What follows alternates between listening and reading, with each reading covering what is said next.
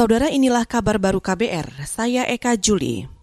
Kementerian Keuangan menyatakan penerimaan negara masih menghadapi tantangan berat dalam jangka menengah atau pada periode 2021 hingga 2024. Kepala Badan Kebijakan Fiskal Kementerian Keuangan Febrio Nathan Kacaribu mengatakan kondisi tersebut tidak lepas dari dampak pandemi COVID-19 sehingga ekonomi butuh waktu untuk pulih.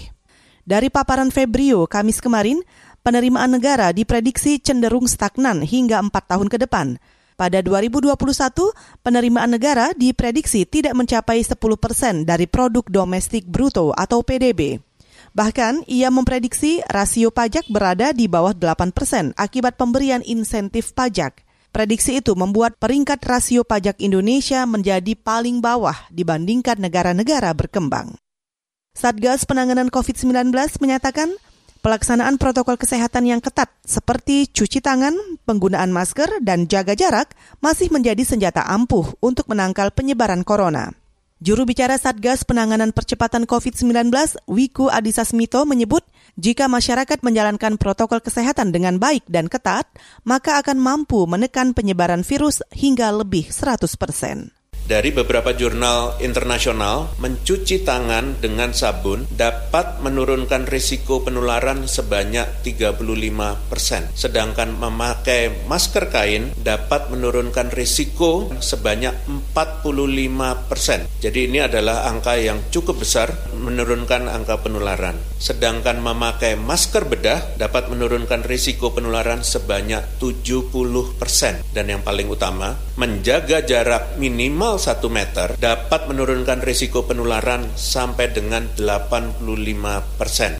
Juru bicara Satgas COVID-19 Wiku Adhisa Smito juga menambahkan, beberapa hari terakhir peningkatan kasus positif semakin tinggi, bahkan hampir mencapai angka 5.000 kasus dalam sehari. Menurut Wiku, hal itu disebabkan banyak masyarakat tidak taat protokol kesehatan dan abai terhadap virus COVID-19. Hingga kemarin, jumlah kasus positif aktif di Indonesia mencapai hampir 62 ribu jiwa atau 21,2 persen. Angka tersebut sedikit lebih rendah dari angka kasus positif secara global, yakni 22,5 persen. Kita ke berita olahraga. Duel raja sepak bola era saat ini, Lionel Messi dan Cristiano Ronaldo kembali terjadi musim ini setelah Juventus dan Barcelona berada di grup yang sama di ajang Liga Champions. Juventus yang menempati pot unggulan pertama harus menerima kenyataan bahwa mereka berada satu grup dengan Barcelona.